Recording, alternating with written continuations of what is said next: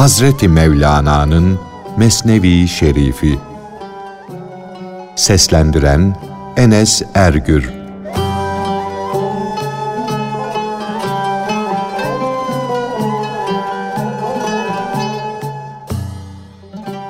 Göl ile balıkçıların biri tam akıllı, biri yarım akıllı, üçüncüsü ise hiçbir şey olmayan, kendini beğenmiş, ahmak, gaflete düşmüş üç balığın halleri ve sonları.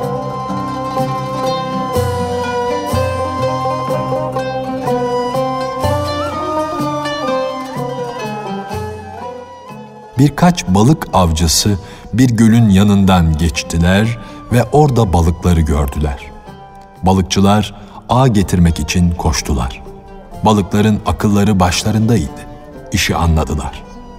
İçlerinden akıllı olanı yolu tuttu, o güç, zor aşılır yolu ister istemez aştı. Kendi kendine dedi ki, bunlarla danışmayayım. Muhakkak ki bunlar gücümü, kuvvetimi gevşetirler. Beni zayıf düşürürler. Bunların boğazlarına düşkün olmaları, yem, yiyecek sevgisi, tembellikleri, bilgisizlikleri bana da sirayet eder. Danışacaksan bir diri ile danış ki seni de diriltsin.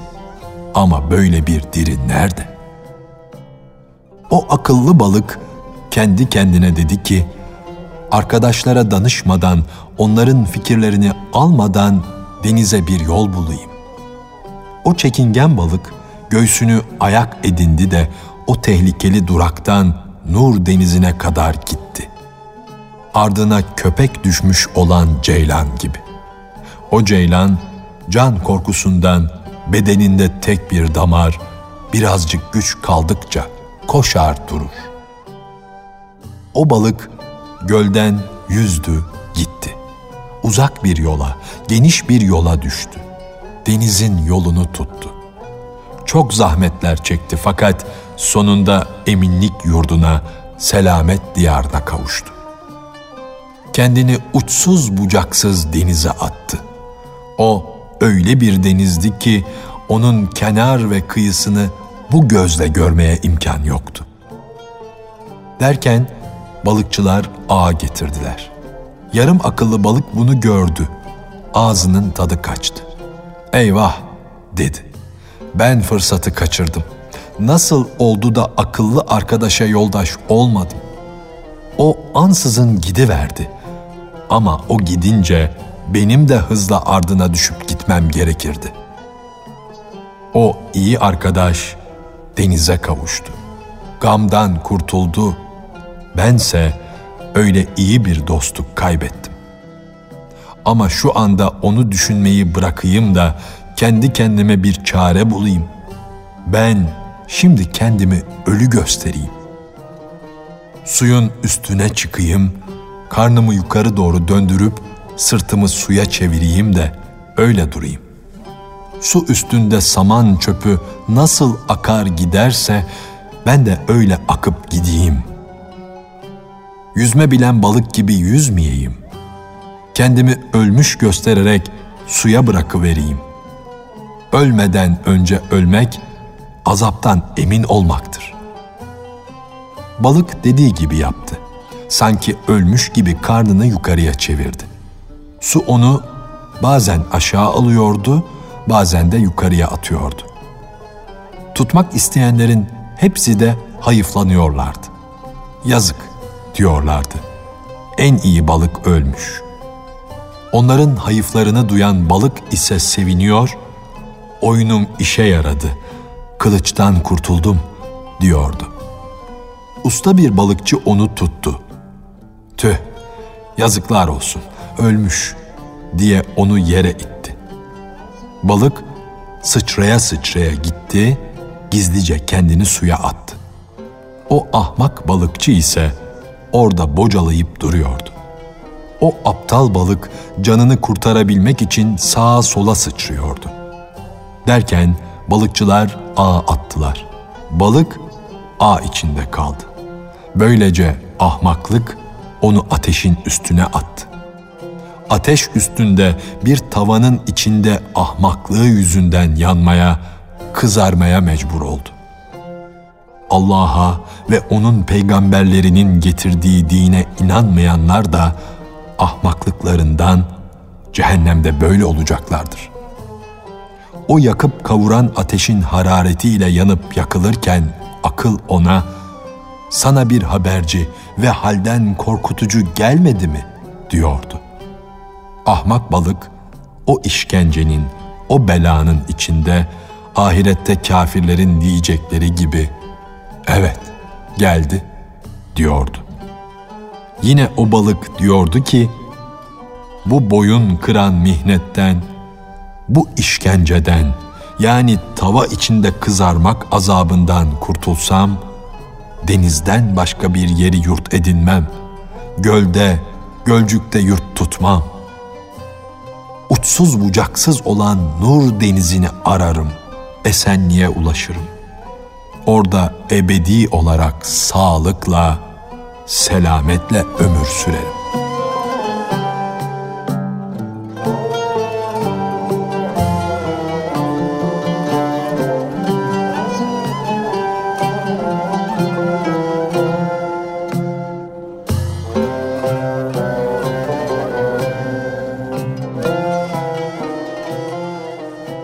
Abdest alırken abdest dualarının yerinde okunması gerekir.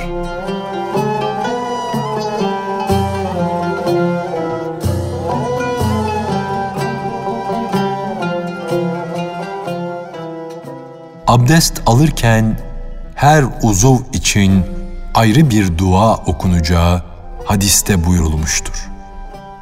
Buruna su verirken gani olan yani çok zengin, her şeyi mevcut olan Allah'tan cennet kokusu istenir. Ey mümin! Sen gönülden Allah'a yalvar da o koku seni alsın, cennete götürsün. Gül kokusu gül bahçesinin kılavuzudur. Pislikten temizlenirken de sözün Ya Rabbi sen beni şu pislikten arıt sözü olsun. Arkanı yıkarken Ya Rabbi benim elim ancak buraya kadar uzandı. Burasını yıkadı, temizledi. Fakat elim ruhumu, gönlümü temizlemekten, yıkayıp arıtmaktan acizdir. Allah'ım adam olmayanların canları bile lütfunla adam oldu. Canlara ulaşan ve onları can yapan ancak senin lütuf ve kerem elindir. Ben aşağılık, günahkar bir kulunum. Benim başarabileceğim temizlik ancak bu kadardır. Ey kerem sahibi Allah! elimin ulaşamadığı yerlerin, içimin, gönlümün temizliğini de sen lütfet. Allah'ım, ben dış yüzümü pislikten arıttım, temizledim. İç pisliklerden de bu naçiz dostunu sen yıka, sen arıt.''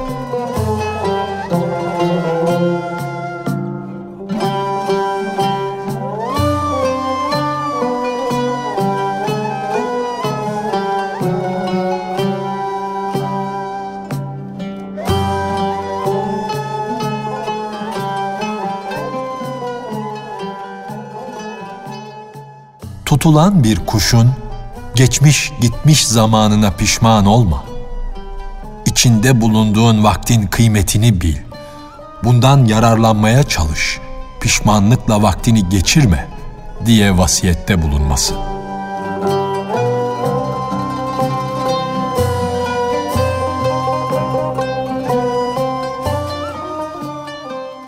Geçmişe acımak, geçmişe özlem duymak yanlış bir iştir. Giden geri gelmez. Onu yad etmek de boş şeydir.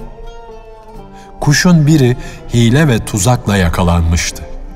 Kuş kendini yakalayana dedi ki, Ey efendi, sen hayatında birçok sığır ve koyun yemişsindir. Birçok deve de kurban etmişsindir. Sen onların etleri ile bile doymadın. Benim bedenimle de doymazsın. Beni serbest bırak da sana üç öğüt vereyim. Vereyim de bil bakalım akıllı mıyım, aptal mıyım? O üç öğüdümün birincisini senin elinde vereyim. İkinci öğüdümü samanla karışık balçıktan yapılmış damın üstünde vereyim. Üçüncüsünü de ağacın üstüne konunca söylerim. Sen bu üç öğüt yüzünden mesut olursun. Elinde iken vereceğim öğüt şudur. Olmayacak şeye kim söylerse söylesin inanma. Kendini yakalamış olanın eli üstünde iken o değerli öğüdü söyleyince azad oldu. Uçtu, duvarın üstüne kondu. Bir de geçmiş gitmiş şeye gam yeme. Bir şey senden geçip gittikten sonra onun hasretini çekme. Ondan sonra dedi ki, içimde on dirhem ağırlığında çok kıymetli, eşi bulunmaz bir inci vardır. O inci seni de çocuklarını da devlete ve saadete kavuştururdu. Fakat kısmetin değilmiş. Dünyada eşi bulunmayan o inciyi kaçırdın. Bunun üzerine avcı gebe kadın doğururken nasıl feryat ederse tıpkı onun gibi feryat etmeye koyuldu. Kuş, sakın geçmiş bir şeye gam yeme demedim mi? dedi. Madem ki inci elinden gitti, neden gam yiyorsun? Sözümü anlamadın mı? Yahut sağır mısın? Sonra bir de sana olmayacak şeye sakın aldanma demedim miydi? A arslanım, benim kendim üç dirhem gelmez bir serçe kuşu iken, içimde on dirhemlik inci nasıl bulunabilir? Adam kendine geldi de, peki dedi, hadi o üçüncü öğüdü de söyle. Evet, dedi kuş, öbür öğütleri tuttun da üçüncüsünü sana bedava söyleyeyim öyle mi? Gaflet uykusuna dalmış bir bilgisize öğüt vermek, çorak bir yere tohum ekmektir. Ahmaklığın, bilgisizliğin yırttığı şeyi artık yama tutmaz. Ey öğütçü! Oraya hikmet tohumu pek ekme.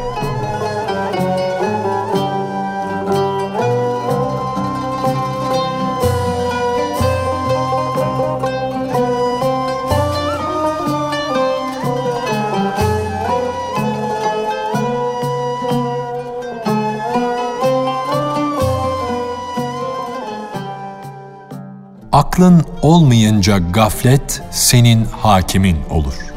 Seni istediği yere çeker götürür.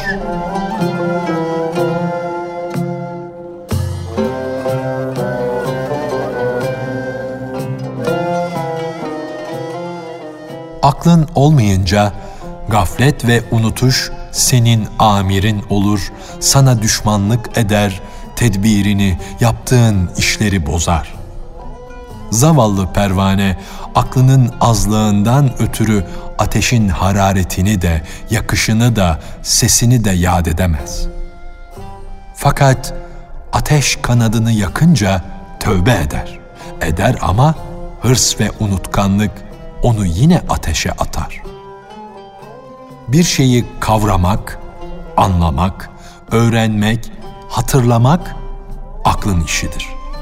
Akıl, bunların derecelerini yükseltir.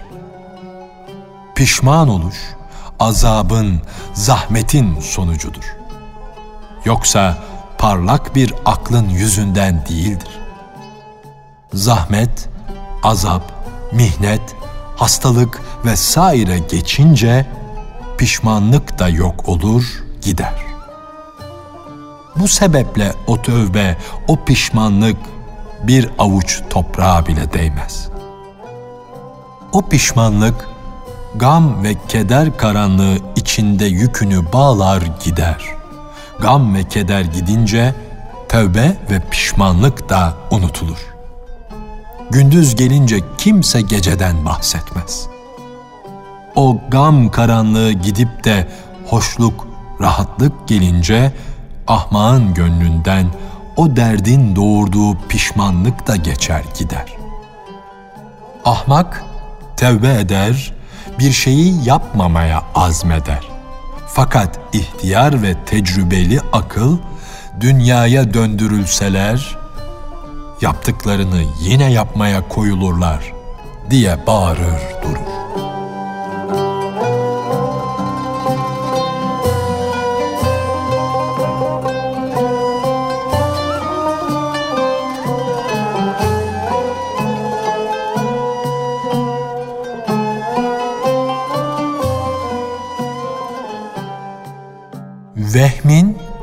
Aklın zıddı oluşu ve akılla savaşıp durması.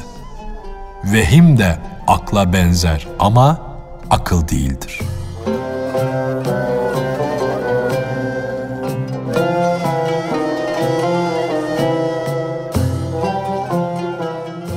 Ey hak yolcusu! Akıl şehvetin zıttıdır şehvete esir olmuş kişiye akıllı deme. Şehvet dilencisi olan kişide bulunana akıl değil, vehim de. Vehim altın gibi olan akılların kalbıdır. Vehim ile aklın ne olduğu, kıymeti mihenksiz bilinmez. Her ikisini de çabucak mihenk bulunan yere götürüp dene. Akıl ile vehmin miyar ve mihengi, Kur'an ile peygamberin halleridir. Bunlara kıyaslanınca akıl mı, vehim mi olduğu belli olur. Zaten mihenk taşı kalp olanlara gelin diye meydan okur. Gel der kalpa. Gel de benim yüzümden ne hale girdiğini gör. Çünkü sen ne benim inişimin ehlisin ne de çıkışımın. Bir testere aklı ikiye bölse, ateş içinde akıl özelliğini korur. Yine altın gibi güler durur.